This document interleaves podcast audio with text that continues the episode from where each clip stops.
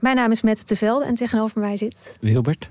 En ik heb vrij veel last gehad van neerslachtigheid, eigenlijk nog steeds wel in het leven. En depressies. En volgens mij gaan we dat proberen op te lossen. We gaan jou redden. En de rest van de mensen. En de toch? rest van de mensen. Ja. Wie redt Wilbert? Dat is de vraag. Wie helpt hem bij de kwesties en problemen van vandaag? Luister naar Wie redt Wilbert en de rest van de mensheid. Een podcast van de VPRO voor NPO Luister. Dit is Taylor's Era. Annelot Prins en ik, Sophie Rutte-Frans, vertellen je in deze podcast wekelijks alles wat je moet weten over de allergrootste popster van dit moment, Taylor Swift. We bereiden je voor op de Eras Tour, bellen met Swifties voor live concertverslagen. Doorgronden de roddels en geruchten en proberen het fenomeen Taylor Swift beter te begrijpen. Maar we brengen natuurlijk vooral een ode aan onze favoriete popster. Are you ready for it? Luister nu naar Taylor's Era op Spotify en Podimo. See you there. Hallo hustlers en honingballen, welkom bij Damn Honey.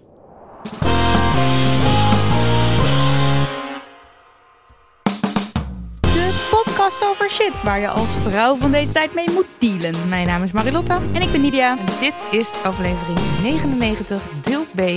En daarin zetten we op een rijtje wat er zoal gebeurde in de afgelopen week en waar we boos van werden en blij van werden.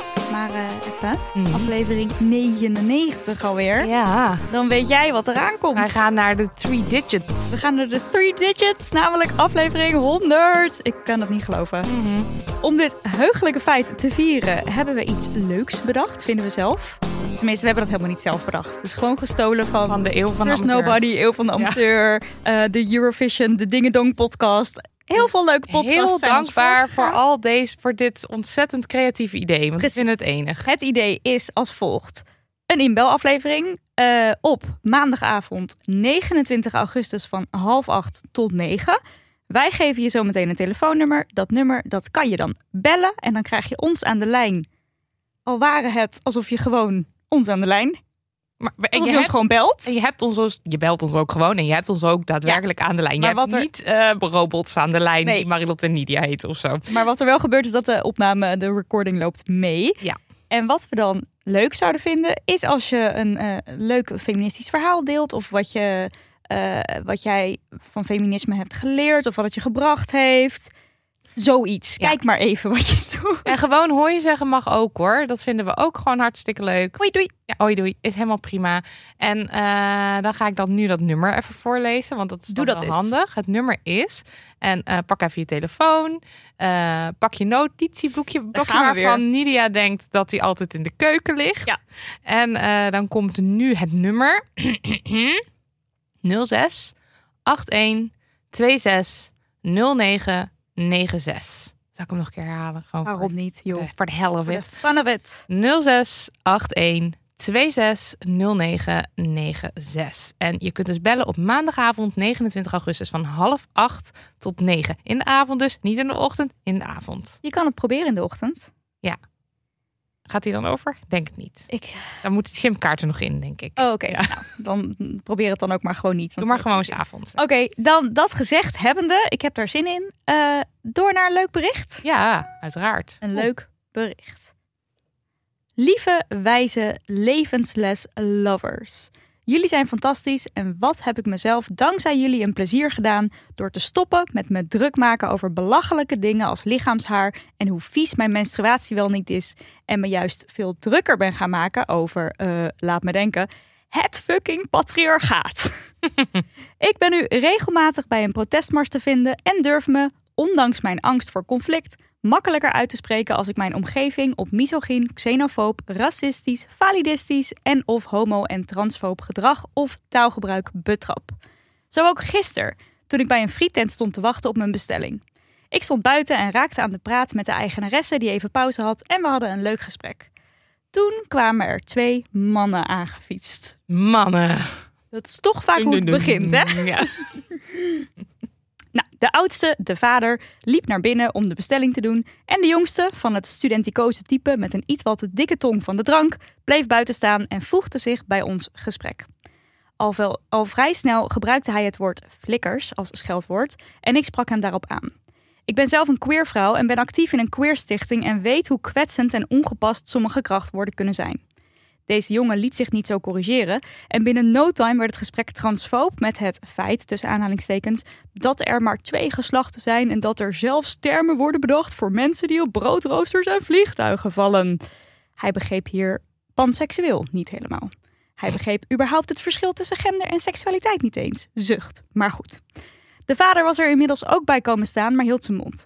Maar de friettent lady stond me bij door te zeggen dat er in haar moedertaal, Chinees, geen eens voornaamwoorden bestaan. Dus dat zij het gebruik van die en diens wel even oefenen vond, maar allesbehalve een probleem. De jongen vond het allemaal maar belachelijk. Uiteraard. Ik bleef het hele gesprek gewoon rustig en respectvol, maar wist dat er niks te halen viel bij deze flapdrol. Dus ik heb hem gezegd dat ik het begrijp dat als hij hier nog niet mee in aanraking is gekomen, dat het dan helemaal logisch is dat hij zich er weinig bij kan voorstellen. Ik heb hem wel gevraagd zich eens in te lezen, zodat hij wat beter begrijpt waar hij het over heeft. En dat ik vroeger, ik ben 38 en hij zucht, ik moest dit raden van hem. Heel classic toch? Ik moest hier zo om lachen. 25. Uh, toen ik dus ook 25 was, ook bijna niks wist over dit onderwerp. Toen waren mijn frietjes klaar. En nu komt mijn lievelingszin uit deze brief. En ik ga geen enkele man de reden laten zijn dat mijn friet slap is geworden. Dus ik wenste iedereen een fijne avond en dartelde vro- vrolijk naar mijn fiets. Gelijk heb je. Ja. ja. Terwijl ik dat deed, hoorde ik hem tekeer gaan over mij tegen zijn vader en de friet and lady. En ik joelde bij het openmaken van mijn slot nog: Ik hoor je gewoon hoor, maar ben weggefietst, want friet. Eenmaal thuis voelde ik me toch schuldig dat ik de frietent en de boslady had achtergelaten met deze bigot. Dus ik besloot een berichtje naar de socials van de frietent te sturen waarin ik allereerst bedankte voor de steun, maar ik ook wilde zeggen dat ik het vervelend vond dat ik een discussie had laten ontstaan, waaruit ik vervolgens was weggehuppeld zonder dat de jongen erover was uitgetierd en daarmee haar en haar zaak wellicht in verlegenheid had gebracht. Toen kreeg ik vanochtend een reply op dat berichtje en dat was zo hartverwarmend. Kort samengevat, de eigenaresse was het volmondig met me eens en was geschrokken van de denkwijze en attitude van deze jongen, die haar en zijn eigen vader ook nog voor boomers had uitgemaakt. Lol. ze zei dat ze ook niet altijd alles begrijpt wat ze op televisie. Maar wacht, ze zei dat ze ook niet altijd alles begrijpt, maar ze op televisie veel LHBTIQA programma's kijkt om er meer over te leren. Ik vond dit zo'n fijne, open-minded en liefdevolle respons en mijn hart loopt over als ik zo'n bondgenoot tegen het lijf loop. Als ik mij niet had uitgesproken, had ik ook nooit deze mooie ervaring gehad. En ik wilde dat gewoon graag met jullie delen. Liefs, you. En dan komt nog een PS. Als mensen de frietent willen steunen, het is Friet van Oost in de Vizostraat in Amsterdam. En ze hebben echt de lekkerste frieten met schil en zoete aardappelfrietjes. Mm, ik heb echt één, heel veel zin in friet al sinds deze brief is binnengekomen. En wij, ze had eventjes een screenshot meegestuurd van die mail. Um, en dat was gewoon zo'n ontzettend leuke mail. Die gaan we verder niet voorlezen, uiteraard. Maar uh, ja, ik weet niet, mijn hart sprong bijna uit elkaar. Ja, ik vind het ook gewoon een heel goed voorbeeld van alles eigenlijk. Want ze spreekt iemand aan die narig is, maar ze ziet vervolgens ook als ze wegfietst bij zichzelf, uh, herkent ze dan ook van, oh wacht, dat was eigenlijk niet zo netjes van mij. En dan daar ook weer eerlijk en open over een mailtje of een berichtje sturen dat is gewoon heel top. Ja, ik, ja alles aan en, en, en, en de schrijfstijl. Ik zat er helemaal in. Dit, dit, dit, dit leest als een trein en ik vind het een heerlijk verhaal en ook weer typisch die mannen. Een leuk bericht. Lekker gewerkt. Dankjewel, Jul.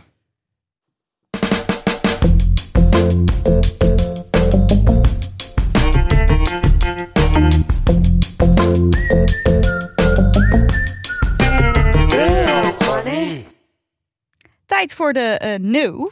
De Damn Honey No. Mm -hmm. uh, Marilot, ja. is het je gelukt iets te vinden? Nou, bijna niet. Was echt heel lastig dit Wij keer. hebben beloofd dat we minder zuur en um, uh, ja, teleurgesteld in de mensheid gaan proberen te zijn. Ja, ja, ja, ja, want ik uh, vond, ik vond mezelf een beetje zuur geworden. Dus ik ga proberen om minder, nou ja, minder daarin te hangen. Um, en dus nu ga je met je nieuws. meest vrolijke stem vertellen wat er mis is in de ja. wereld. En goed nieuws, het is me gelukt om een noot te vinden. Nou, nah. wat heerlijk. Uh, ik wil wel eventjes, uh, voordat ik begin met, want ik heb er twee, voordat ik begin met mijn eerste, eventjes zeggen, er is natuurlijk veel al uh, hoe noem je dat? Te doen, te doen gedaan, te zeggen geweest. Daar weet ik veel over de Linda-cover. Oh ja. Ehm, de- dat was eh, afgelopen Dus dat week, laat je nu even voor wat het is. Laat ik zeker niet voor wat het is. Maar wij hebben, Nidia en ik hebben daar met z'n tweeën wel veel over gepraat. Over wat we daar nou van vonden en zo. Maar we hebben er nog niks mee gedaan in de podcast of op Instagram. Ik kan, er, kan me erbij voorstellen dat je denkt, waarom is hier nog niks over gezegd? Maar dat gaan we, gaan we dus zo meteen doen. Ehm zometeen Linda Koffer. Nu eerst eventjes eh, alle ellende rondom Ter Apel. En, eh, en de vluchtelingen, eh, asielzoekers, het asielzoekersbeleid ehm, van Nederland. Eh, al, ik, ik heb het idee, al weken lees ik dat er mensen buiten moeten slapen. ehm, bij het aanmeldcentrum in Ter Apel.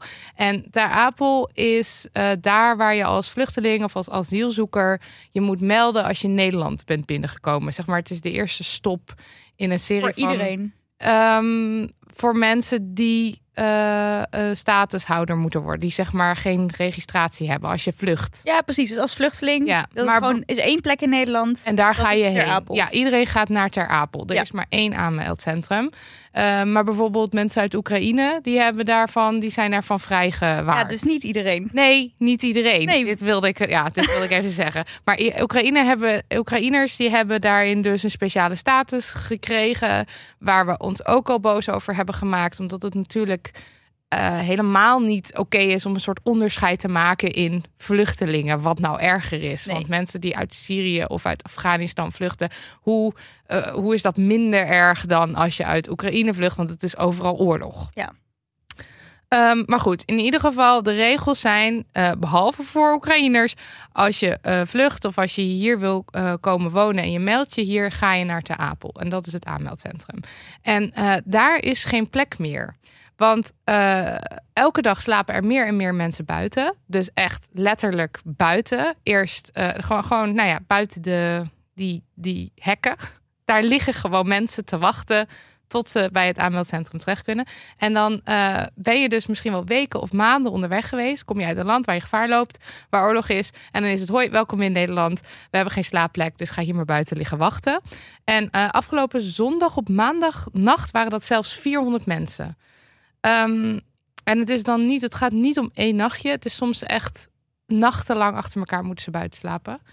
Ehm, en eh, je, moet, je moet naar Ter Apel omdat je je moet registreren voor een, eh, een asielaanvraag. En de situatie waar je in terechtkomt dan eh, is heel slecht. Want er zijn geen voorzieningen. Er is geen douche, er is geen wc, er is... Nou ja, er Als is je eten, erin maar... zit wel, maar als je buiten bent niet. Ja, want er is dus ook, er zijn in principe, zeg maar, in Ter Apel zelf zijn ook op, op, op plekken om te slapen. Ja, maar dat zit maar dat vol. zit vol. Dus en mensen die, eh dus zeg maar, ze proberen dus nu wel mensen te verplaatsen naar noodopvangplekken. Ja, Maar veel eh, asielzoekers hebben ook het gevoel dat ze vergeten zijn of vergeten worden. Dus ze blijven liever in Ter Apel. Die gaan dan niet mee. Die gaan niet mee naar noodopvangplekken, die er al ook niet genoeg zijn volgens mij hoor.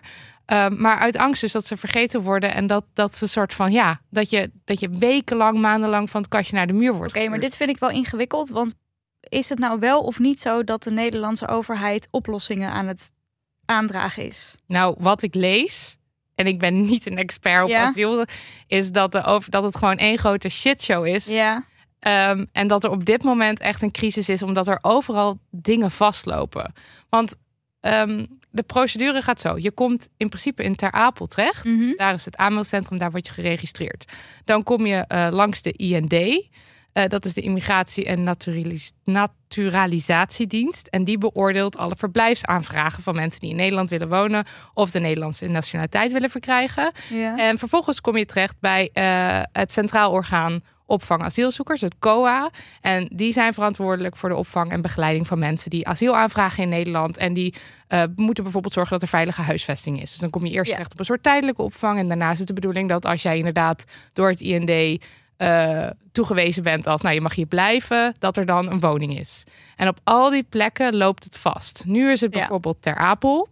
Ehm, maar het is ook zo dat er nog mensen zijn die wel al eh, een stat statushouder zijn. Dus die, waarvan wel al gezegd is, jij mag in Nederland blijven. Maar die nog steeds op die tijdelijke opvang, opvangplekken zitten. Omdat er Dus dus... eigenlijk ook plekken bezet houden, terwijl ze eigenlijk in principe al lang Ja, maar ja, er is gekeurd. natuurlijk Hoe ook... zeg je dit? Ja. Ja, Ook nou ja, goed gekeurd. praten over mensen, maar Ze hebben recht op een soort permanente woning. Ja. Gewoon een normale woning waar je kan wonen. En dat je dan werk kan zoeken en gewoon een normaal leven kan leven. Ja. Maar ze zitten nog steeds op die tijdelijke plekken. En deels komt dat natuurlijk ook door de woningnood. Want er zijn heel veel mensen die eh, strijden om woningen. ja, en dan wel even altijd goed om te zeggen dat de woningnood iets is wat gecreëerd is, want er zijn gewoon plekken. Dat er zijn plekken in Nederland waar je kan wonen, maar Mhm. de prijskaartjes die daarop geplakt worden zijn En enorm veel hoog. te hoog, ja. En eh, als nu jij het zegt, hebt over ehm zelf gecreëerd probleem, deze eh, vluchtelingencrisis, deze asielzoekerscrisis, is ook een gecreëerd probleem Ja. van, van de overheid.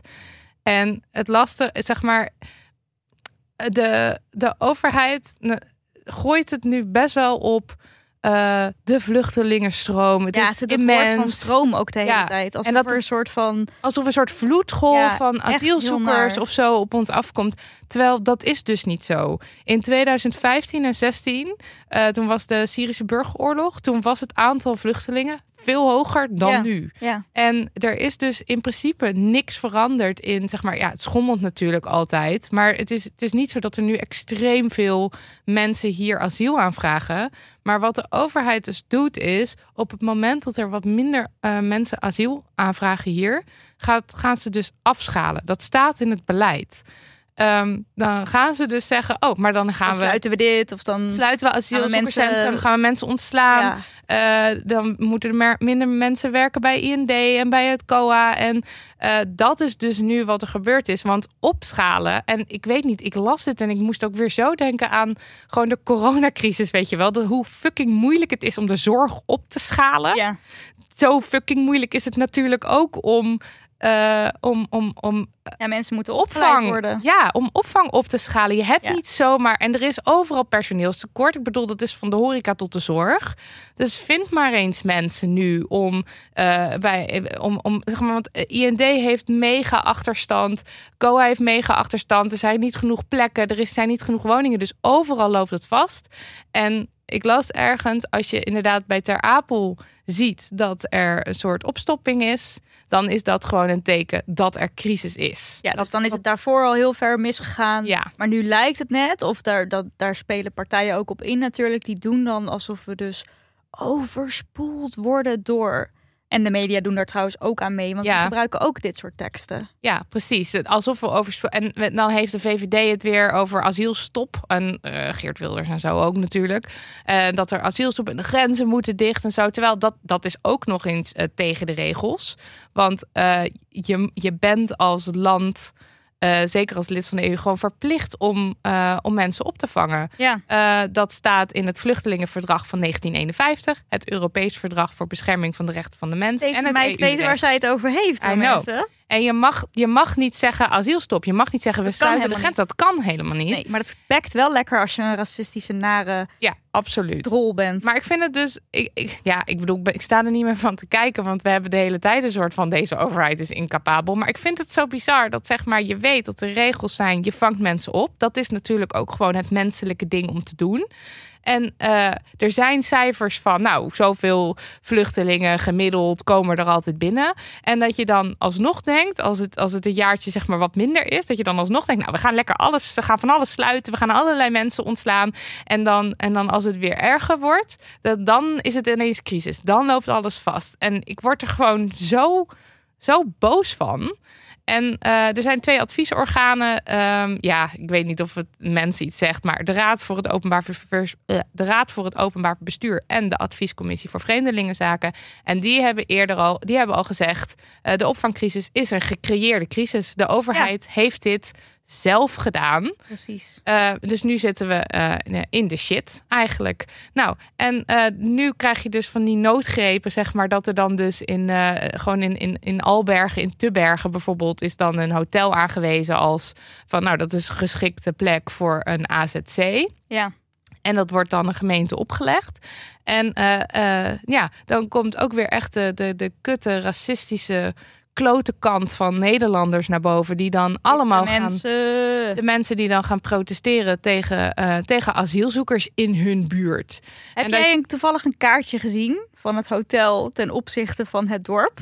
Nee? Want het klinkt namelijk elke keer net alsof het een soort van midden, Midden in dat het dorp ligt. dorpscentrum is. Nou, dat, dat zal wel is ergens dus aan de, echt lang, aan de rand liggen. niet zo. Nee, dat zal wel weer... Dus dat is nog even een goede side note voor de mensen die daar niet van op de hoogte Ja, dus waren. het wordt niet smack in de middel van je dorp En al was dat I even zo, maar even los daarvan, dat is dus ook gewoon niet het geval. Nee. Mm.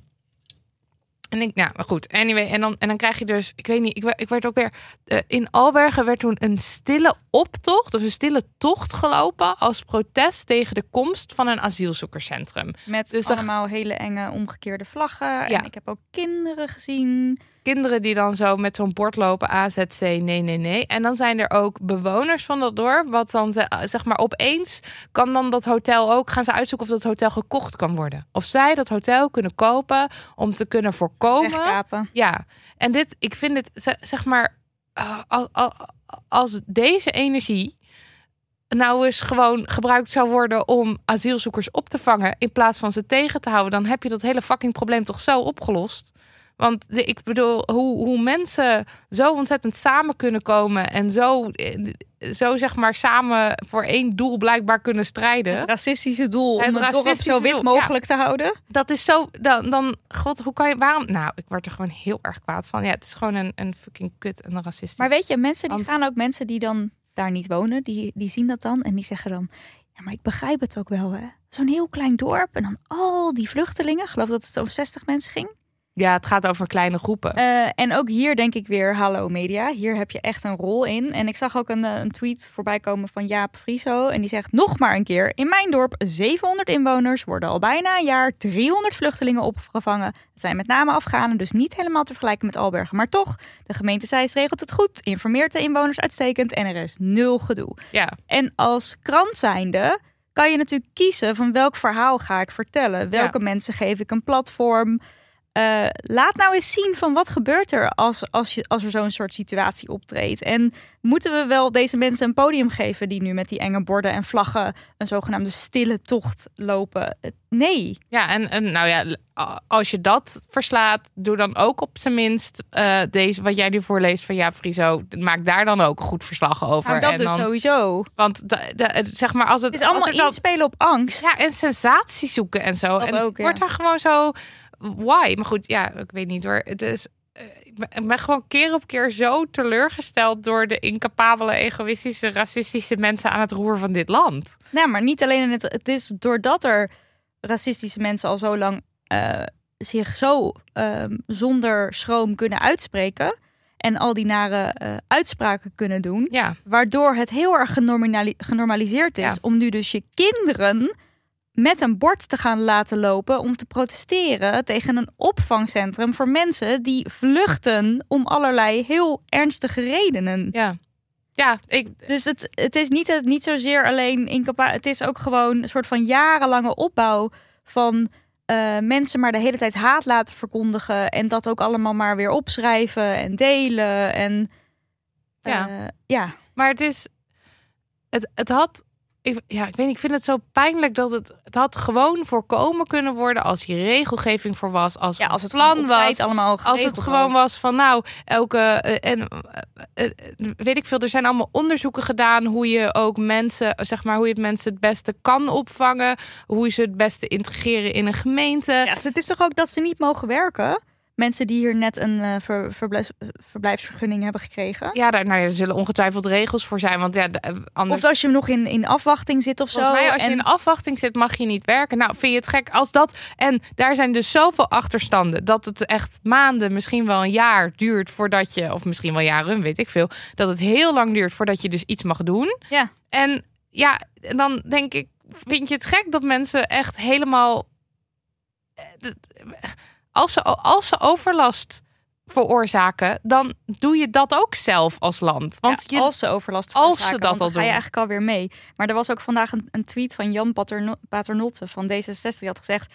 eh, over eh, hier ruim 40% Oekraïners aan het werk. En had hij dat artikel gedeeld. En dan zegt hij: Als deze cijfers ons iets, la- iets laten zien, is het wel veerkracht van de Oekraïense vluchtelingen. Door te werken herpakken ze de regie over hun leven. Ze zijn minder afhankelijk van leefgeld van de overheid en dragen bij aan onze samenleving. Maar wat hij met deze tweet wellicht onbewust doet, maar is doen alsof dus de Oekraïense vluchteling Ja, een soort van vluchteling verheven is die- boven... en ja. Sylvana Simons had er dus ook heel goed eh, een context bij geplaatst. Zegt, oh wauw, ik ben eigenlijk even sprakeloos van deze selectieve vergeetachtigheid over het feit dat anderen, leest u gerust, niet-westerse vluchtelingen, niet mogen werken. Hen wordt zelfs beschut buiten slapen misgund. ja, precies. Dus het is ook weer zo die framing van, oh ja, maar de Oekraïense vluchteling, god oh god, wat doen ze het goed. En even, weet je wel, als je daar, als je gevlucht bent uit Oekraïne, dat is ook verschrikkelijk. En je verdient alle opvang. En het is eh, inderdaad eh, knap en bijzonder en eh, goed als je dan aan het werk gaat. Dus dat, dat laat ook veerkracht zien. Ja, Maar niet meer veerkracht dan andere vluchtelingen. Al die vluchtelingen zouden dezelfde behandeling moeten krijgen. En Ja, dat, is waar, dat is waar wij voor staan. Zeg maar niet dat we vinden de Oekraïner moet ook slecht behandeld worden. Natuurlijk nee, nee, nee, precies. Iedereen zou behandeld moeten Precies. worden zoals de Oekraïners nu behandeld Nu met worden. open of in ieder geval op, dat, op die meer. En eh, al- als er wordt gezegd, wat een veerkracht van de van Oekraïners. Nou ja, wat een veerkracht van, eh, van, van, van vluchtelingen. Van mensen die vanuit die hun huis en haard hebben moeten verlaten en ergens anders moeten beginnen. En dat, if anything, zijn zij gewoon het voorbeeld van als je mensen dus gewoon een plek gunt om te wonen en te werken en te leven, dan, dan hebben ze dus enorme veerkracht. Laat het dan een voorbeeld zijn. Ja. Geef al die andere vluchtelingen ook deze kans. Ja. Ja, het is ook. eh, trouwens, hier, hier zijn nog iemand van, eh, van Stichting Vluchtelingenwerk. Eh, van alle migranten die naar Nederland komen, is maar een klein deel asielzoeker. Het leeuwendeel bestaat uit arbeidsmigranten, internationale studenten, expats. Om dan toch steeds de focus te leggen op een kwetsbare groep die bescherming aanvraagt, daar word ik wel moe van. Ja, Dus dacht ik, ja, dat is ook zo. dat is zeker zo. Altijd dat gezeik over, over vluchtelingen en asielzoekers en daar moeilijk over doen. Gun fucking mensen een plek om te leven. Ja, ja. En ik, ik weet niet, als je dan ook filmpjes ziet waarin mensen gevraagd worden wat ze ervan vinden en zo. En dat iedereen dan zo zit van ja, het zijn er echt wel heel veel. In Nederland is echt te vol. Ja, het maar is zie je, niet zo. Maar dat komt dus omdat dat de hele tijd gezegd wordt. Ja. Oké, ben je met, klaar met deze no? Want dan wil ik nog een oproepje doen voor een donatie. Of heb je nog iets toe te voegen? Nee, ik heb niks meer toe te voegen, want ik ben boos. Oké, eh Kuthex, dat is iemand ook op Twitter, die had getweet. Ben je dit zat? Wil je helpen? Help ons vluchtelingen welkom heten met warme maaltijden. Doneer aan My Great. En dat is M-I-G-R-E-A-T. Dus great als in fantastisch, goed, great, groot. Oh, great. Ik dacht, My Great. ik, nou ja, oké. Ja, my Wij great. koken voor mensen die door de overheid in de steek gelaten worden. Wij zijn bezorgde burgers. En eh mygreat.org, daar is een linkje en daar kan je dan wat doneren als je het kan missen. Ja, nou, zetten we in de show notes en ja, doe het. En dan wilde jij ook nog even over de Linda. Heel graag over de wel Linda. weer een stukje lichter. Eh, de Linda bracht een titelnummer uit vorige week. Tieten, daar was Tieten. jij blij mee, want jij houdt wel van een titel op zijn tijd. wel van Tieten. Ik laat ze ook te pas en te onpas zien. Dus dit was een nummer na mijn hart. Ehm, maar op de cover stonden negen slanke vrouwen. eh, met allemaal best wel bescheiden borsten. Ja, maar tegelijkertijd niet zo bescheiden dat je, Ni- niet zeg maar, wel echt wel, wel ja, hoe zeg wel nou? van de borsten, maar Ja. een soort van, eh, wat laten we zeggen, van, van cup A of Ja, maar B. dat vind ik dus het- moeilijk, want die cups, dat is toch ook niet, zeg maar, Nou, het een waren in ieder A geval... is toch ook weer heel verschillend met je omvang. ja, Allemaal slanke mensen met best wel gewoon grote borsten, maar ook niet groot groot. Gewoon medium handje size, vol. een handjevol borst. Een be- bescheiden borst. Ik bedoel, het, eh, het is er gewoon. Hij is duidelijk aanwezig. en, hij, en, maar, en hij is er niet niet, maar hij is ook niet te aanwezig. Ja. Hij. Ik bedoel, Zij, de meiden. de meiden. Ehm, nou, eh, deze vrouwen, deze slanke vrouwen, dragen spijkerbroeken. Hun bovenlijf is ontbloot en ze bedekken hun tepels en een groot deel van hun borsten met hun handen. Eh, en op de cover staat dan groot: Tits are us. Een Ehm, leuke woordspeling op Toys R Us. Nou, fijn dat je dat even... Ga je daar ook iets over zeggen of mag ik daar nu iets over zeggen? Daar mag jij iets over zeggen. Ik vind dat een hele rare tekst. Ik vind dat ook raar. Eén, ik snap niet zo goed wat ermee bedoeld wordt. Maar Is het een toy? als er nou mee bedoeld wordt, tieten zijn wij, wij zijn tieten. Want dat lijkt me dan toch een beetje de vertaling hiervan. Wil je dan zeggen dat het vrouw zijn soort van gedefinieerd wordt door tieten of andersom? Of ik snap, dat snap ik dus al niet. Want dat vind ik al zo erg eigenlijk niet de boodschap die je zou moeten uitdragen. Ja, dat is zo. Omdat er al heel vaak zo... Oh mijn god, nou, wat heeft zij een decolleté? Ik ben helemaal afgeleid. Ik kan alleen maar naar haar borsten kijken. Oh, wat heeft zij? Zij heeft geen borsten. Ze heeft te grote borsten. Ze is preuts, want ze laat niks zien. Ze is een slet, want ze laat te veel zien. Het is borsten, borsten, borsten, borsten, borsten. Ook met jou. Jij laat de hele tijd die tieten van je zien. Ehm, het is al de hele tijd die borsten. Dus waarom dan tits are us? Ja, nee, dat was eigenlijk vraag. mijn eerste vraag. Ik zit net eventjes te denken, want ik heb de Linda even doorgebladerd. Wat is dan de boodschap daarachter? Eh, want ehm, Stella Bergsma schrijft ook een stuk in de Linda. Ik denk dat het daaruit komt. Even kijken hoor. Stella Bergsma schrijft een stuk in de Linda, wat best wel een lekker stuk was. En ze, zij schrijft: Sowieso zijn het in eerste instantie onze eigen toys. Als wij er klaar voor zijn, zijn ze pas voor de boys. Dus ik denk dat. Dit ze- zijn van ons, bedoelt ze. Tits are us. Tits, de tits are, de tits are us. Ja. Van, eh, van ons, bedoelen Ja. ze dat? Dat denk ik. Dus niet, maar omdat het is natuurlijk. Ik, ja, ik, weet- ik, ja, geen idee. Ik denk dat ze dacht: oh, hier staat het woord toys. Toys, toys are us. Dit us. Nou, dat is een leuke woordspeling of zo. Nou, het maakt me, maakt me wel minder kritisch. Oké. Met deze iets wat... eh, iets side note Iets van meer Stella ge- Bergsma stuk. Ja, oké. Oké, oké, oké, oké, oké, oké. Nou, goed. Eh, in het voorwoord schrijft hoofdredacteur Karin Swerink eh, over dit titelnummer. Dit nummer is vooral een pleidooi voor tieten in alle vormen en maten. Voor tevreden zijn met je eigen voorgevel, of die nou het formaat meloenen, pruimen of kersen heeft. Voor normalisering van borsten in plaats van seksualisering. Voor vrouwentepels op social media, mits je die zelf wil laten zien. En er brak al bij het tonen van de cover, toen was het nummer nog niet eens uit, brak Ja. er al een shitshow uit, want Ja. mensen waren het er niet mee eens. Ehm, wij hebben die natuurlijk gevolgd. En hadden daar ook wel eh, commentaar, of hadden ook wel commentaar op. Eh, dus dat eh, gaan we gaan daar ook nog even een plasje over doen. Ja, want het, het meest gehoorde commentaar was. Waar de fuck zijn de dikke, dikke mensen? Waar zijn de dikke tieten? Waar zijn de hangtieten? Waar zijn de tieten. slaptieten? Waar zijn de littekens. Waar zijn de littekens? Waar, waarom zien we hier eigenlijk negen identieke vrouwen? Ja. Is eigenlijk het, het, de. Want het, jij, ja, volgens mij jij had opeens een, een poster van America's Next Top Model. Ja, die van zag ik jaar geleden voorbij komen. Van 2009 of in, in zoiets. Dat jaar was dus, eh, had je Hollands Next Top Model. En dan was dus de, ja, de, de foto waar ze reclame mee maakten. Al die modellen in eh, spijkerbroeken met hun handen voor hun blote borsten. Ja, Wat natuurlijk ook heel erg een, ehm, ja, een, een klassiek beeld is. Waar ook echt wel seksualisering aan vasthangt. ja, precies. En jij was ook eigenlijk meteen pissig dat ze allemaal die, dat ze die look hadden. Ja, Ik dacht nog, als je nou wel ehm, ook bijvoorbeeld dikke mensen had laten zien en verschillende borsten had laten zien, dan had ik het een hele leuke manier gevonden van het terugclaimen van dat beeld. maar dat was het Maar niet. dat doen ze dus niet. Nee, en dus dat- is het gewoon weer precies dat ene geëikte plaatje wat we al die tijd al zagen. Precies. Wel met de side note, er staat ook een zwangere vrouw op de cover. En, ik, en er was ook commentaar van waarom, zijn er geen, waarom is er geen oude vrouw? En dan, en dan was Marianne Mudder was eh 64 of, of 60 plus. Dus dan was van, nou, er staat wel iemand op van 60 Ja. plus. Ja. Mm, Oké. Ik denk dat zij echt dachten, we hebben dit goed gedaan. Ja, iemand zwanger, iemand oud. Ja, zwarte vrouw. Ja, en wel, we zijn zo- er helemaal. Ja, Ja. dat denk ik ook. Nou, eh, er was dus een shitshow. Eh bijvoorbeeld eh, Tatjana Amouli schreef eh, goede dingen op Insta. Ik zag dat Ayla Satijn ook al eh, commentaar had. Nou goed, eigenlijk had iedereen commentaar. Carmen Felix had ook fantastisch. Basically iedereen had Ga maar eventjes onder de post kijken van... Feminist platform. Ja, ook goed. Ga maar eventjes onder de, onder de post kijken van Linda zelf, die de cover revealed. Daar staan echt eh, allemaal commentaar. I love it. Lees het graag. Eh, en toen was eh, Karin Sverink eh, te gast bij NPO Radio 1 bij het programma Spraakmakers. En toen zei ze: Als ik naar de cover kijk, snap ik wat mensen bedoelen. Naast alle enthousiaste reacties. Ja, dat is gewoon een hele slimme opmerking van haar. We hebben alleen invloed op mensen die ja zeggen, maar niet op de mensen die nee zeggen. Daar heb ik respect voor. Ik ga niemand aan de haren erbij trekken. Oké, nou laten wij nou toevalligerwijs een klein beetje ervaring hebben met mensen vragen voor iets. Ja. En proberen daarin enigszins eh, inclusief of een diverse afspiegeling Ja, te en laten zien. Ja. Bijvoorbeeld met ons nieuwe boek Fucking Horny, wat binnenkort in de winkel ligt. Wij vragen dan best wel wat van mensen, hè? namelijk schrijf een seksverhaal ja, met naam en met toenaam. naam en toenaam, inderdaad. Niet Ehm, anoniem. En ehm, je zou, voor sommige mensen zou dat intiemer of ingewikkelder kunnen liggen dan een foto. Want het is niet alleen eh, jouw soort van fantasieën of hoe jij denkt over seks wat in tekst verschijnt, maar ook gewoon het daadwerkelijke schrijven. Heel kwetsbaar eigenlijk. Ja.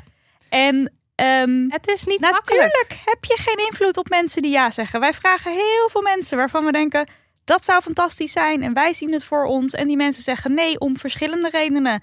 En eh, dat is allemaal hun goed recht. Ja, en Want- daar hebben wij ook respect voor. En wij gaan ook niemand aan de haren erbij Nee, trekken. natuurlijk Nee. niet. Maar dat betekent wel, of voor ons betekent het wel. ehm, stel, we vragen allemaal eh, eh, witte cis-hetero vrouwen. Die zeggen allemaal ja. En allemaal andere mensen die we vragen, bijvoorbeeld een transman, iemand van kleur, iemand die een rolstoel gebruikt. En die zeggen allemaal nee.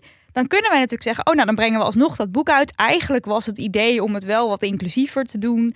Maar ja, die mensen zeggen nee, dus laat maar. Ja, en dat is denk ik dus hier ook gebeurd. Ik, ik, Maar dat geloof... doen we dus niet. Nee. Dus het kan wel degelijk als je maar doorzoekt. Ja, en ik denk dus, ehm, want ja, ja En je doorzoeken bent en een het fucking Linda, dus het lukt je heus wel om mensen te vinden. Tuurlijk. En ik denk dus dat je eigenlijk is het zo, zeg maar, voor elk slank, able-bodied mens dat je vraagt, moet je eigenlijk drie of vier mensen vragen die eh, dik zijn of hangtieten hebben of een rolstoel gebruiken of weet ik veel. Want ik denk dus, het is ook ergens makkelijker om ja te zeggen Tuurlijk. als jij zelf Als binnen het past. Ja, want dan is het minder. Ik bedoel, het is nog steeds kwetsbaar, maar het is zeg maar een soort van gelijk kwets- kwetsbaar voor iedereen.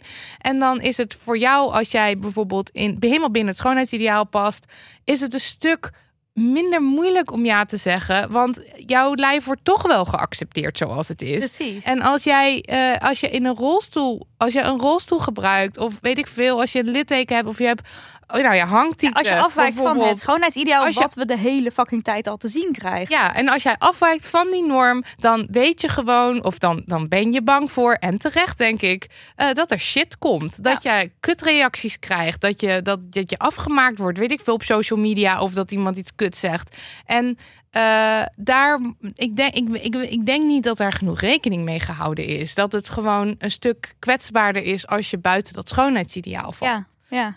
Ik zag ook dat ehm Marieke Elsinga heet zij, geloof ik. Ja. Zij eh, is eh, onder andere radiopresentatrice. Eh, ik, had, ik had een reactie van haar gezien onder iemand die die foto deelde. En dan had zij zoiets gezegd van... nou, het is maar goed dat ik er niet tussen sta met mijn nou, grote borsten... of mijn net, ik met mijn net zwanger geweest lijf, borsten, zoiets. Ja. En toen die reactie vond ik zo tekenend van dit is hoe het misgaat. Want zij ziet weer dat ene plaatje en denkt ze: oh ja, nee, hier hoor ik dus echt niet tussen. Hier had ik niet tussen mogen of kunnen staan, want ik had er echt niet uitgezien als ik tussen deze Nee, precies. sta. En dan staat er in dat voorwoord wel van een pleidooi voor tieten in alle vormen en maten. Maar als je dan dus alleen maar dit plaatje laat zien, maak je dit, bevestig je dus ook weer wat hier Marieke Elsinga zegt van, oh, maar goed dat ik er niet bij sta. Ja, want, Want zij ik, ziet hoor er niet, ik hoor daar ook niet tussen op die cover. Precies. En het is natuurlijk ook wel weer. ehm, kijk, Linda eh, werkt met, met, beroemde mensen. Hè? Want als wij voor fucking horny mensen gaan zoeken om een verhaal te schrijven, is dat voor ons niet een vereiste dat je beroemd bent of, of, dat je Nee. bijvoorbeeld heel veel ervaring hebt. Omdat we het juist belangrijk vinden om allerlei verschillende verhalen te laten zien. Ehm, en die pool van beroemde mensen, die bestaat natuurlijk ook voor een heel groot deel uit Ja. witte, slanke, cishet vrouwen in dit geval. Precies. Ja. Dus ehm, het zijn best relatief makkelijk op te snorren. die zijn natuurlijk. beroemder, want schoonheidsideaal. Ja. Dus die staan vaker op de Linda. En dus zijn ze beroemder. En dus staan ze vaker op de Linda. En dus zijn ze beroemder. En staan ze vaker op de Linda. En dit is dus een never-ending cirkel. Ja, Die Linda moet doorbreken. ja. Dus zet iemand op die cover waarvan je denkt: oké, dit is niet een gezicht eh, wat heel Nederland gaat herkennen. Maar dit is wel eh, een dik iemand. Ik zeg maar even wat, hè, wat dus ontbreekt op die cover. Eh, want dat vinden we belangrijk. En ik kan me gewoon niet voorstellen dat er geen enkele dikke vrouw in Nederland is die dat dan eh, eh, Niet wil. Die dat niet wil. Nee, ik ook niet. Want ik kan er namelijk zo een paar noemen die daar hartstikke volmondig ja op hadden gezegd en trots waren geweest en daar gewoon hadden staan shinen. En die mensen die zijn ook niet niet beroemd of zo. Het Nee, is ook niet zo dat zij helemaal niet bekend zijn. Nee. neem eh, eh, Lotte van Eyck of zo. Lotte van Die zegt sowieso ja daarop. Nou ja, ik niks. denk dus wel dat Lotte van Eyck al zegt, oké, en wie zijn die andere meiden? Ja, dat sowieso. Ja, Ja. en dat is precies wat je nodig hebt. Want dan kunnen we nu even naar Geraldine Kemper misschien. ja, zeker. Want Geraldine Kemper heeft zich uitgesproken. Of tenminste, die... eh, kijk, Tatjana Almouli die had goede stories gemaakt. En Geraldine Kemper werd erop gewezen. En zij heeft zich ook eh, uitgesproken. Eventjes over hoe zij dacht over de koffer. En zij zei, ik besef eh, dat ik er eerder over heb moeten nadenken.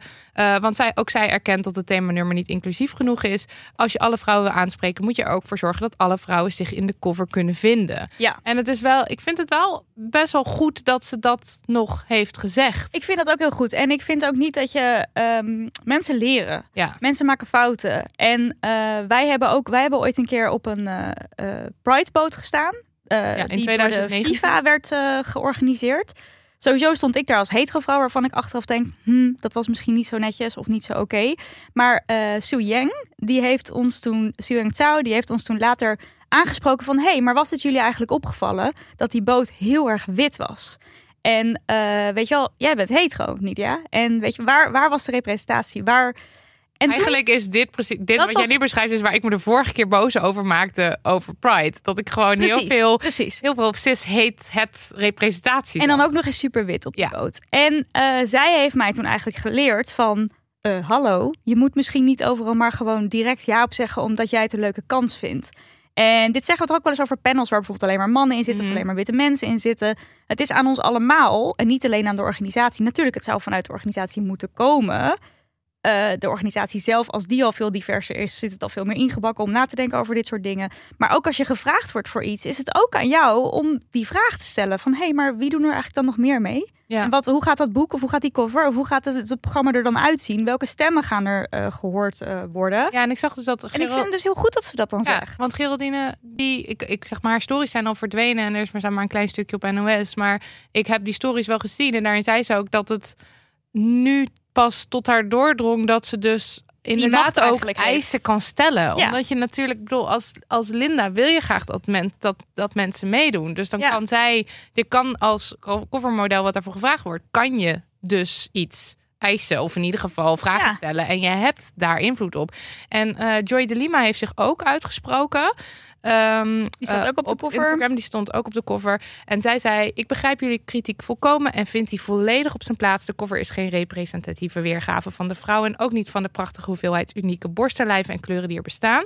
Er verandert natuurlijk niets in de wereld als wij, mensen die een podium krijgen en iets of iemand representeren, niet constant ons podium blijven bevragen en onderzoeken. Ik heb de cover bijvoorbeeld bevraagd vanuit mijn zwart zijn, want ik ben de zwartste vrouw op de cover, terwijl ik dat in de maatschappij over, overduidelijk niet ben. Maar ik heb de cover niet genoeg bevraagd wat betreft cupmaat en lijfdiversiteit. En dat vind ik een pijnlijke bewustwording. En ook dit, ik vind het ook gewoon weer zo goed dat je dan. Je krijgt die kietrek. Je bent ook trots, hè? Dat zeg ik. Dat heb ik vorige Ja, keer volgens mij ook ja. laatst over iets gezegd. Oh ja, over Lizzo die dat nummer uitbracht, waarin een validistisch eh, scheldwoord zat.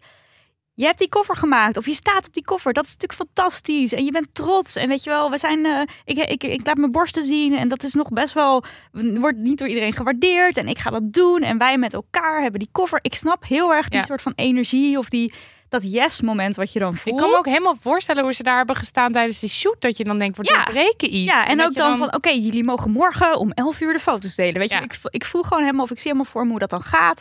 En ook ehm, eh, de, de chef redactie, eh Rianne. Meijer, die dan heel enthousiast op Twitter zet van, wow, ik ben zo trots op deze productie.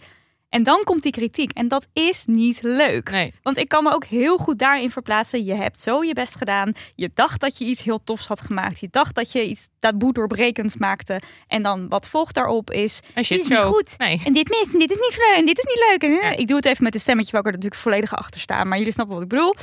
Dat is wel even hoe jij die eerste kritiek leest. Ja. Want jij denkt als maker... Wow, Kut. ik heb echt iets vets gedaan. Ja. Maar hoe reageer je erop? En dan zie je dat Joy de Lima en Geraldine Kemper... dat echt heel goed en netjes en alles aanpakken.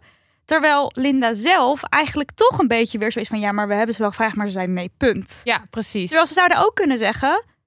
ja, daar zeg je wat. We hebben ook andere mensen gevraagd. Die hadden nee gezegd. Maar nu ik dit zo hoor, denk ik... we hadden beter ons best moeten doen. Ja, En dat gaan wij volgende keer doen. Groetjes, Linda. En dat Hadden wij dan nu hier al een half uur over dit non-onderwerp zitten praten? Nee. Nee, en maar Want dit, het is dus echt oprecht niet zo heel erg moeilijk. maar ik, in, in dit mis ik eigenlijk altijd wel van Linda, is dat ze dan ook nooit met een soort publiek statement komen daarover. Het is altijd een soort van ja, maar nee. Ik zie het wel, Nee, maar maar nee. los van de enthousiaste reacties die we krijgen, snap ik de andere klein beetje kritiek wat we krijgen, snap ik dan wel. Ja, los van al Heel vermoeiend. Ja, doodvermoeiend. En eh, ja, ik weet niet. Er werd gewoon ook heel selectief op gereageerd op, door Linda en door mensen van de Linda. Van weet je wel, dan kwamen de kritische vragen en daar gewoon niet op En dan op sommige reageren. dingetjes wel reageren die dan een beetje positief zijn. Van ik Ja. zie het probleem niet hoor. En dan zo Dus het- meteen daarop ja. Ja, en dat vind ik, ja, vind ik, vind ik, eigenlijk vind het gewoon weer helemaal flauw Ja, of zo. en het is natuurlijk ook moeilijk hè, als je van alle kanten kritiek krijgt. Ja, maar ja, je bent leuk. wel een blad wat door duizenden mensen gelezen wordt. En Ja. wat gewoon macht heeft. Want dat is het. Ik denk, eh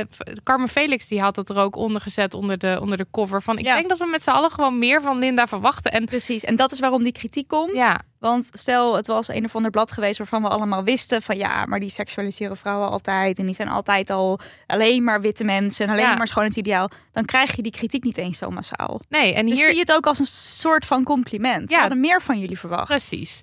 Nou, nog een klein flauw dingetje. Tenminste, hier hadden wij het over. Is dat er eh, op de cover geen tepels staan. En de reden daarvoor eh, op Twitter zei redactiechef Rianne Meijer. En volgens mij was het ook op de Insta van Linda zelf te zien. Dit is vanwege de social media en de winkels. Ja, dat dan, vind ik heel het flauw. idee is dan een soort van, ja, maar dan kan het op de cover. Laten we geen tepels zien, want anders dan kopen de winkels niet, ons niet in. Dan kunnen we niet op social media. En dat, maar daarvan denk ik ook, je bent toch de fucking Linda? Je Ja, hebt maak dan dat statement. Ja, Dit snap ik dus ook echt niet. en als je een, want ik bedoel, in het statement van Karen Sverink in dat voorwoord staat eh, dat het een, een nummer is tegen verpreutsing, tegen het censureren van de vrouwentape op social media en voor Ja, ik moet bijna normalis- gewoon Ja, lachen als ik dit hoor. en voor normalisering van borsten, dan, dan, dan heb je toch, als, als, dat het, als dat het is, dan heb je toch scheid aan wat winkels en social media willen en knal je die tepels er gewoon op. Want wat Ja. gaat Insta doen? En ik heb zelfs nog een tussenoplossing bedacht.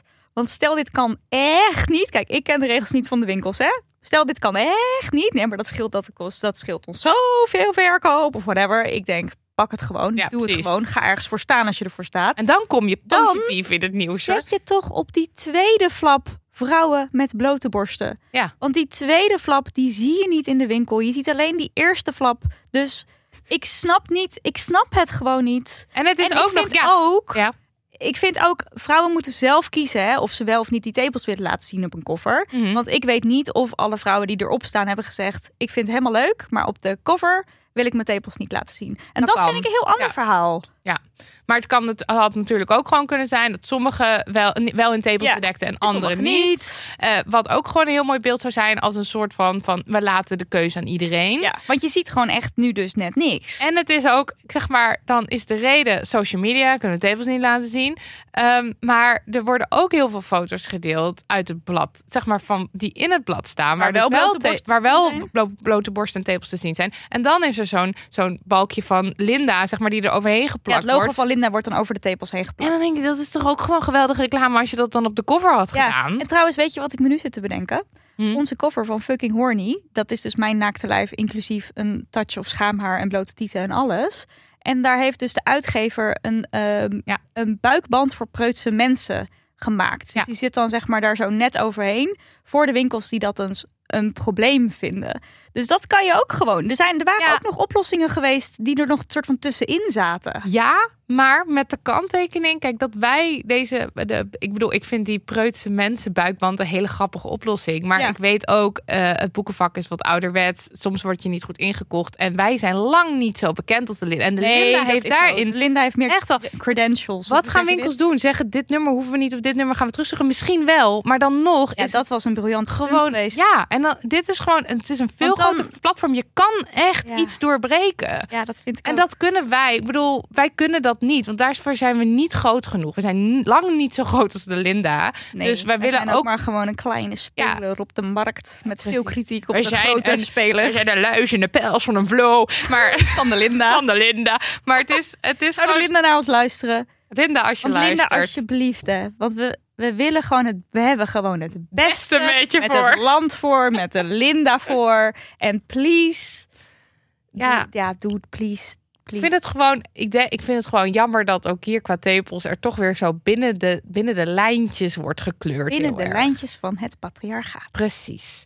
Nou, en dan eh, als laatste nog heel eventjes was er een eh, Twitter-rel, Lutje. Oh, God, ja. En dat vond ik vooral grappig omdat het dus een nummer is tegen seksualisering van de borst.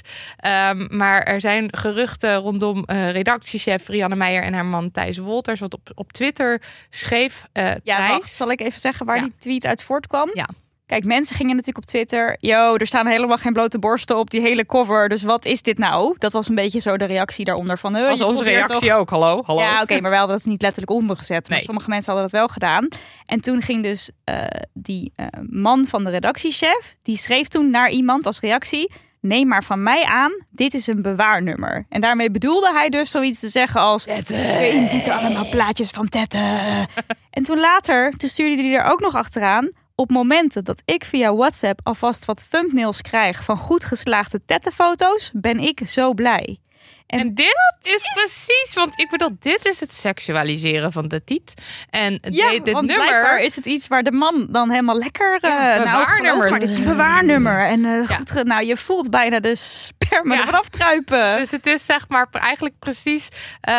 Th- Thijs Wolters heeft het dus eigenlijk precies niet begrepen. Ja, zo lijkt het. Dus Wat wel apart jammer. is als je zo involved bent in het maakproces. En, en daarmee wil ik trouwens niet. Ik, ergens begrijp ik wel dat je, dat je gewoon die titel doorstuurt. Als jij als redactiechef, je bent trots op je werk, je stuurt het door naar je man. Ja, hier was natuurlijk ook, hier was ook discussie over. Ehm, als wij uitgaan van even een soort van het beste scenario, dan heeft zij gewoon plaatjes doorgestuurd van al helemaal opgemaakte pagina's ja. die al helemaal langs de iedereen geweest zijn van dit gaat in het blad verschijnen. Dan nog kan je je afvragen, is dat wel of niet ethisch oké? Mhm. En daar mogen vooral de mensen die zelf op die foto staan hun mening over geven. Ja. Ehm, Want maar je Joy zou de het ook nog kunnen zich- lezen, en dat weten we niet. Dus dit is ook gewoon een soort roddel en achterklap. Je kan het ook lezen als, oh, er worden dus blijkbaar gewoon foto's doorgestuurd naar een man van. Ja, En maar is dat zo- het idee? Dat je het zo breed kan interpreteren, zegt al, het is gewoon fucking dom dat hij dit op Twitter heeft gezet.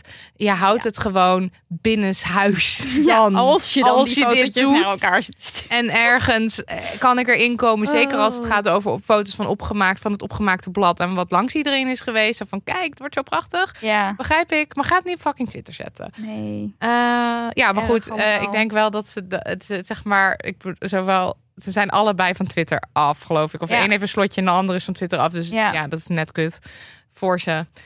Ja, mm, ja, ik denk, ja, mm, ik heb Ook- hier ja, ook wel zo mijn meningen over hoor.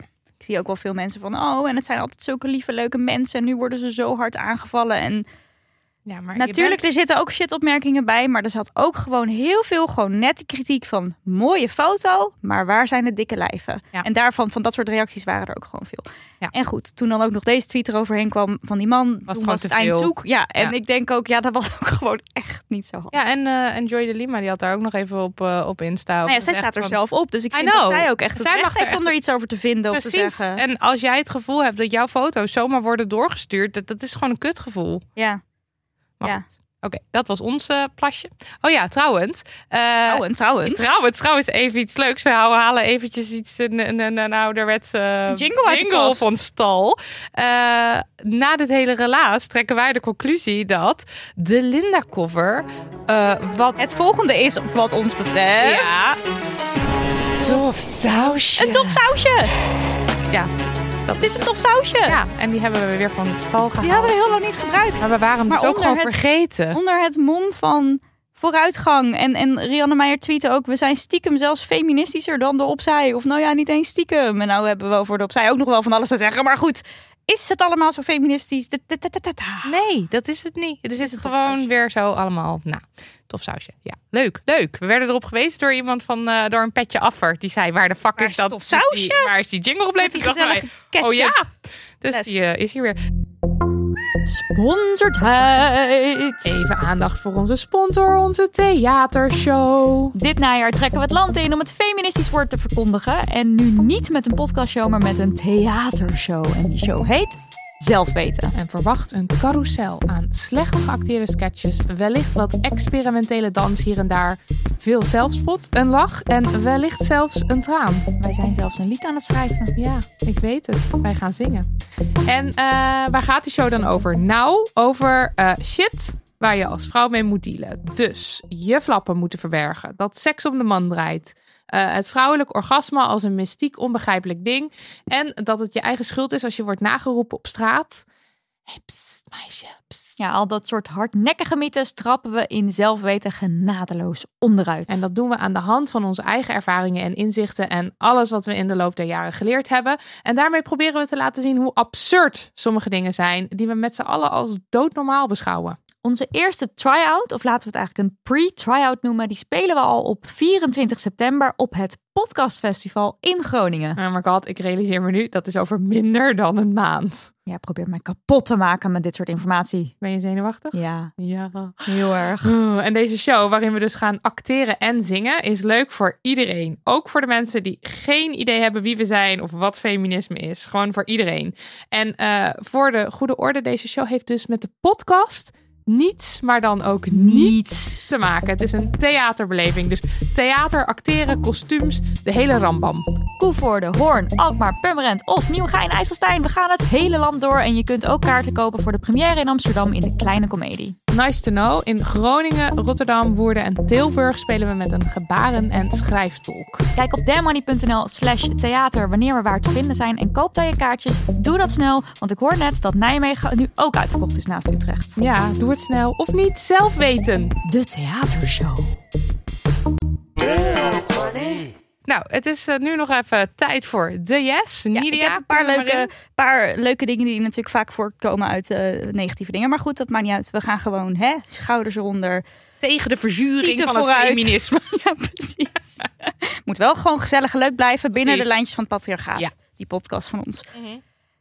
Ik zit even met het volgende. Ik ga het hebben over een influencer die een soort self-claimed goeroe is. Self-help goeroe. Die hele nare dingen over vrouwen zegt. En over, Moet ik nou over- wel of niet zijn naam gaan zeggen? Want eigenlijk Noem het is deze man het laagste van het laagste. Ja. Hij is geen flinter van mijn aandacht waard. Ook niet van de luisteraars waard. Hij moet, ik moet helemaal niks met die man. Dus daarom dacht ik, moeten we dan wel zijn naam weer gaan noemen? En dan gaan mensen weer zo... Google, Google, Google. Maar denk je niet, als jij nu zijn naam niet noemt en je gaat wel alles vertellen, gaan mensen ook Oké, googlen. hij heet Andrew Tate. En hij is echt een fucking lul. Ja. En mijn yes is dat eindelijk, eindelijk, eindelijk, eindelijk... grote social media platforms zoals YouTube, TikTok, Facebook en Instagram... hun verantwoordelijkheid hebben genomen en hem dus ehm, hebben geband. Ja. Nou kan je je afvragen, is dat nou echt een yes? Want hoe ver moet het nou uit de hand lopen voordat dit dan gebeurt? En waren ze er niet veel te laat mee? Eh, ja, ze waren er veel te laat mee. Het is niet echt een yes, maar goed. Ik ben toch een blij mens dat het zoekt iets, een mens, een mens vertelt iets in de pot. beter laat dan eh. Laat me iets vertellen over deze eh, drol. Hij is dus een vrouwenhater. En dan denken jullie misschien, ja, eh, jullie noemen de hele tijd iedereen maar vrouwenhaters. Nee, deze man die zegt van zichzelf vol trots, ik ben een vrouwenhater. En ehm, hij heeft daar eigenlijk zijn verdienmodel van gemaakt. Zulke controversieel mogelijk, zulke walgelijk mogelijke dingen zeggen. Ook hiervan dacht ik, moet ik dat nou wel of niet gaan herhalen? Om een soort van te laten zien wat voor een walgelijke man het is. En ik heb besloten dat niet te gaan doen, omdat ik gewoon, ik, ik moet niks met die man. Ik kon niet eens een normaal NOS-artikel aflezen zonder heel boos te worden. Laat staan dat ik zijn filmpjes ga bekijken. Mhm. En alles wat hij zegt, zegt hij ook met het doel om mensen boos te maken, om ophef te veroorzaken. En als ik het nu ga zeggen, dan zit ik dat eigenlijk gewoon weer soort van te voeden of zo. Terwijl het is gewoon complete bullshit. Het is walgelijk. Het zegt hele nare dingen over, over eh, slachtoffers van seksueel geweld, over, over bezit van een man zijn. Echt gewoon, het is allemaal naar. Het is ook homofoob. Ik wou net zeggen, want het is niet alleen maar vrouwenhaat. Het is zeg maar alles, alles het, het is gewoon op alle vlakken gewoon verschrikkelijk. Dus ik ga het ook gewoon niet herhalen. En als je het heel graag wil weten, dan nou, zoek het dan maar op. Maar please, ga niet zijn filmpjes kijken. En also- Lees dan een NOS-artikel. maar ga echt niet zijn filmpjes kijken. Want voor je het weet zit je in dat algoritme en dan krijg je het de hele tijd. En je wil het Nou, gewoon zal niet. ik daar even wat over Ja. vertellen? Want ehm, de Observer, dat is dus een Britse zondagskrant, die heeft dus soort bewijs gevonden dat zijn volgers eh, werden opgeroepen om zijn meest controversiële uitspraken zoveel mogelijk te delen. eh, om zoveel mogelijk kijkers en engagement te krijgen. Want hij heeft dus een eigen Hustlers University opgericht voor eh, jongens en eh, mannen. Eh, en die leren dan bijvoorbeeld hoe je dan rijk wordt, weet ik veel, van bitcoin of zo, zoiets. En ehm, hij post ook van die foto's met sigaren of met geweren. Het is gewoon zo, ja, het is een en al toxic, toxic masculinity gewoon in de overdrive.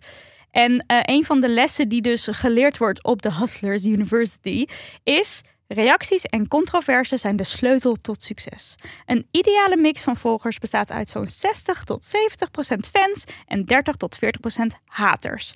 You want arguments, you want war. En het stomme is hij nog gelijk heeft ook. Iedereen trapt erin. Ja. Iedereen doet hier aan mee. Want hoe vaak hebben wij niet die video's doorgestuurd gekregen? Hier Mhm. moeten jullie wat mee doen.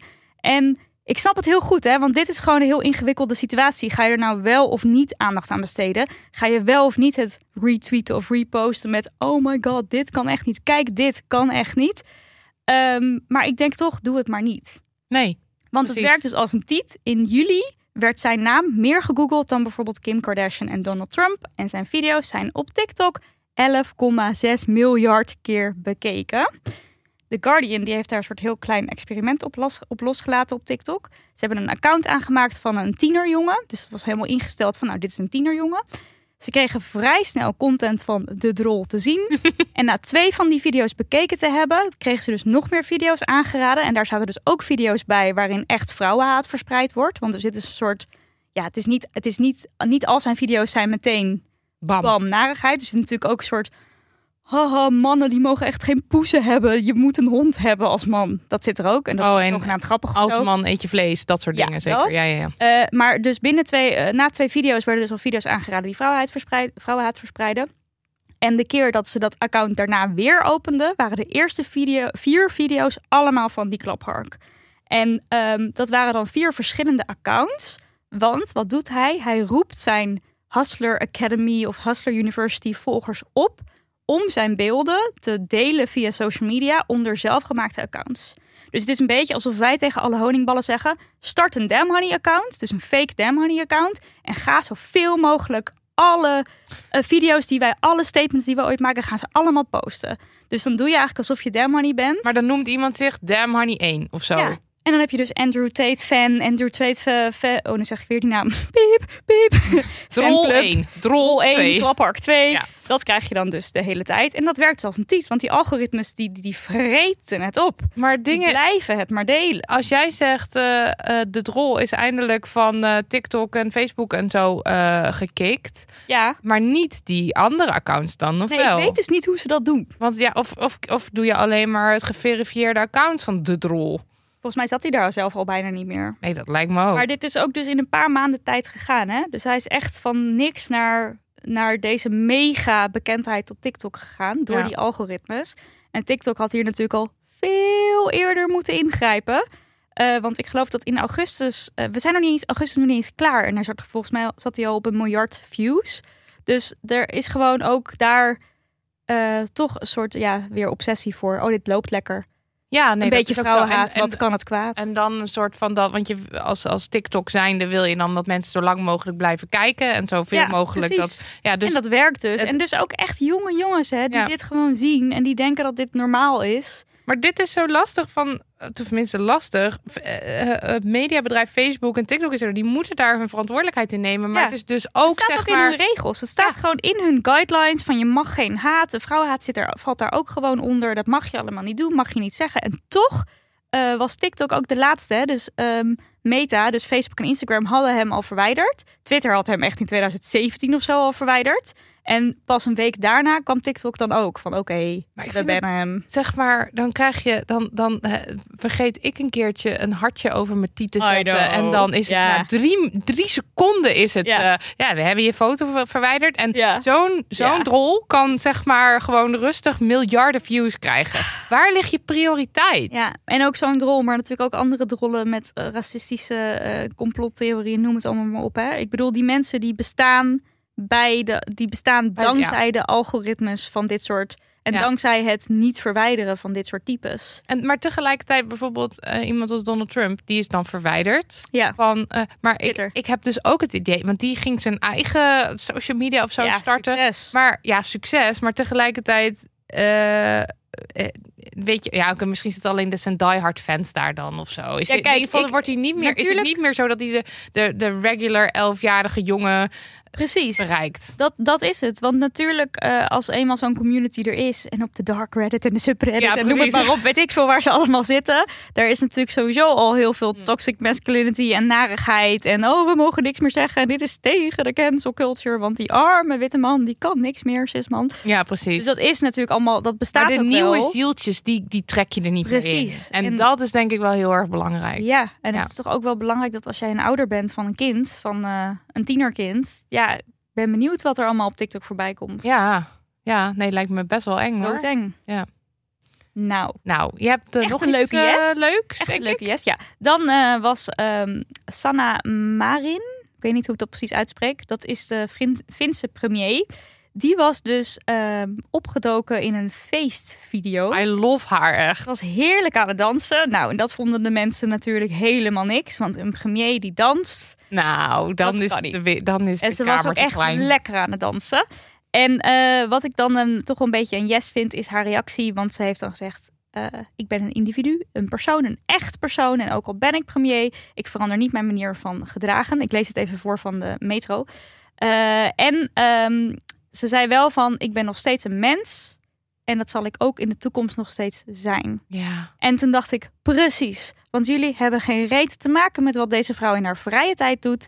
Dit was een video gewoon eh, bij een huisfeestje. Ze, ze wil niet zeggen bij wie, maar dat is gewoon een eigen video. Ooit een keer per ongeluk, per ongeluk of expres. Ik weet niet hoe die video op gelekt is. privé-account eh, Het is, gezet. ja, het is gewoon ergens naar buiten gekomen. En dit was helemaal niet bedoeld voor de wereld. En ze is ook pist dat het nu voor de wereld... eh, Ja. dat het de wereld het nu mee kan kijken, zeg Maar maar. vond het wel lastig, want ze heeft, he- ze, heeft een druk, drugstest gedaan onder... Ja. onder Ja, eh, omdat er dan waren weer audio-experts opgezet en die hoorden dan Flower Gang. En dan, oh, is dat dan slang voor drugs in Finland? En dan gingen allemaal drugsexperts uit Finland zeggen: nee, dat is het niet. Maar ja, is het niet toch wel zo? En zo ging het maar door en door en door. Maar vind ik, ik vind het dan zo lastig. Dan zie je een vrouw dansen en plezier hebben. En dan ga je dat zo uitpluizen. Terwijl ze zag er gewoon uit alsof ze gewoon een fucking good time had. En lol. En helemaal niet. Zeg maar als ze nou eh laveloos op de grond lag. En, en gewoon aan wel uit haar mond. En weet ik veel. Als dat aan de hand is, denk je. Nou, misschien is daar eh, Misschien iets minder. veel benevelende middelen gebruikt. Maar er was helemaal geen reden toe om dat te Nee. denken.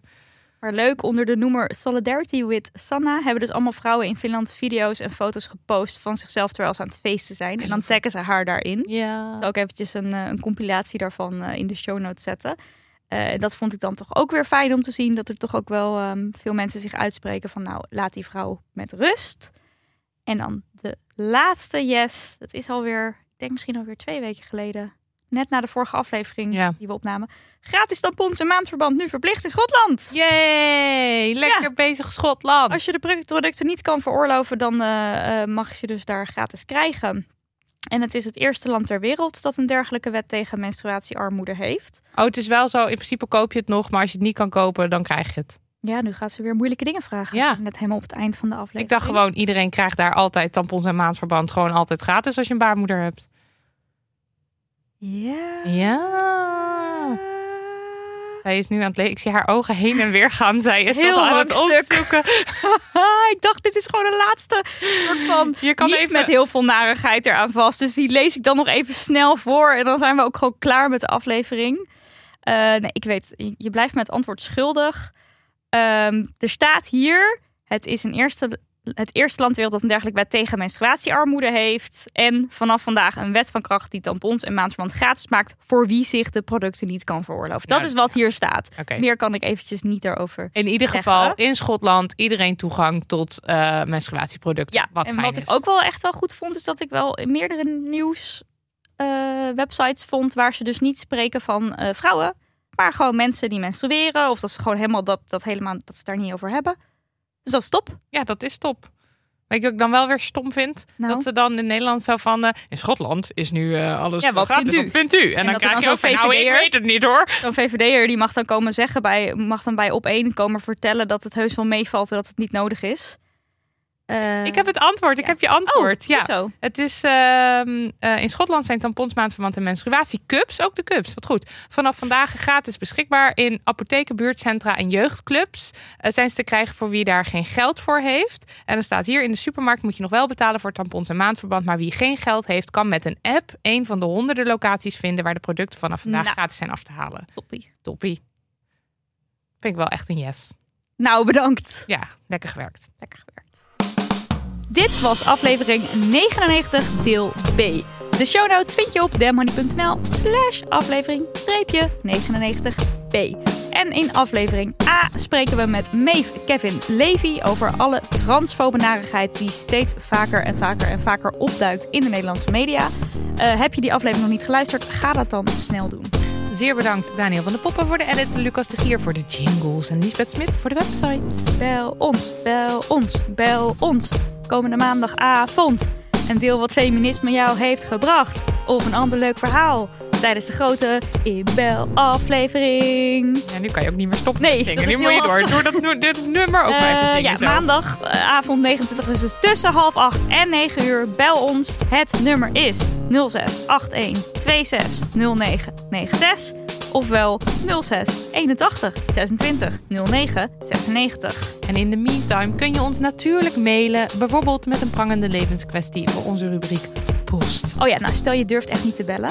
Je hebt belangst. Of je kan niet bellen, om welke, om welke ik heb reden dan ook. wel angst. Ik heb vandaag drie keer de telefoon niet opgenomen. Omdat ik gewoon niet wist wie ik aan de telefoon zou krijgen. En toen, ik kan me daar goed in inleven. Ja, dus stel je kan om welke reden dan ook niet bellen, dan mag je natuurlijk ook even mailen voor de 100 aflevering. Maar het, het idee is wel echt bellen, maar als het niet kan, dan zijn we natuurlijk helemaal. Ja, dan lezen we het wel even Kom maar door. voor. Hartstikke leuk. Eh, nou, en het e-mailadres is natuurlijk info@damnhoney.nl. Mail, bel, whatever. Of eh, niet. Of niet. Altijd zelf weten. Doei. Doei.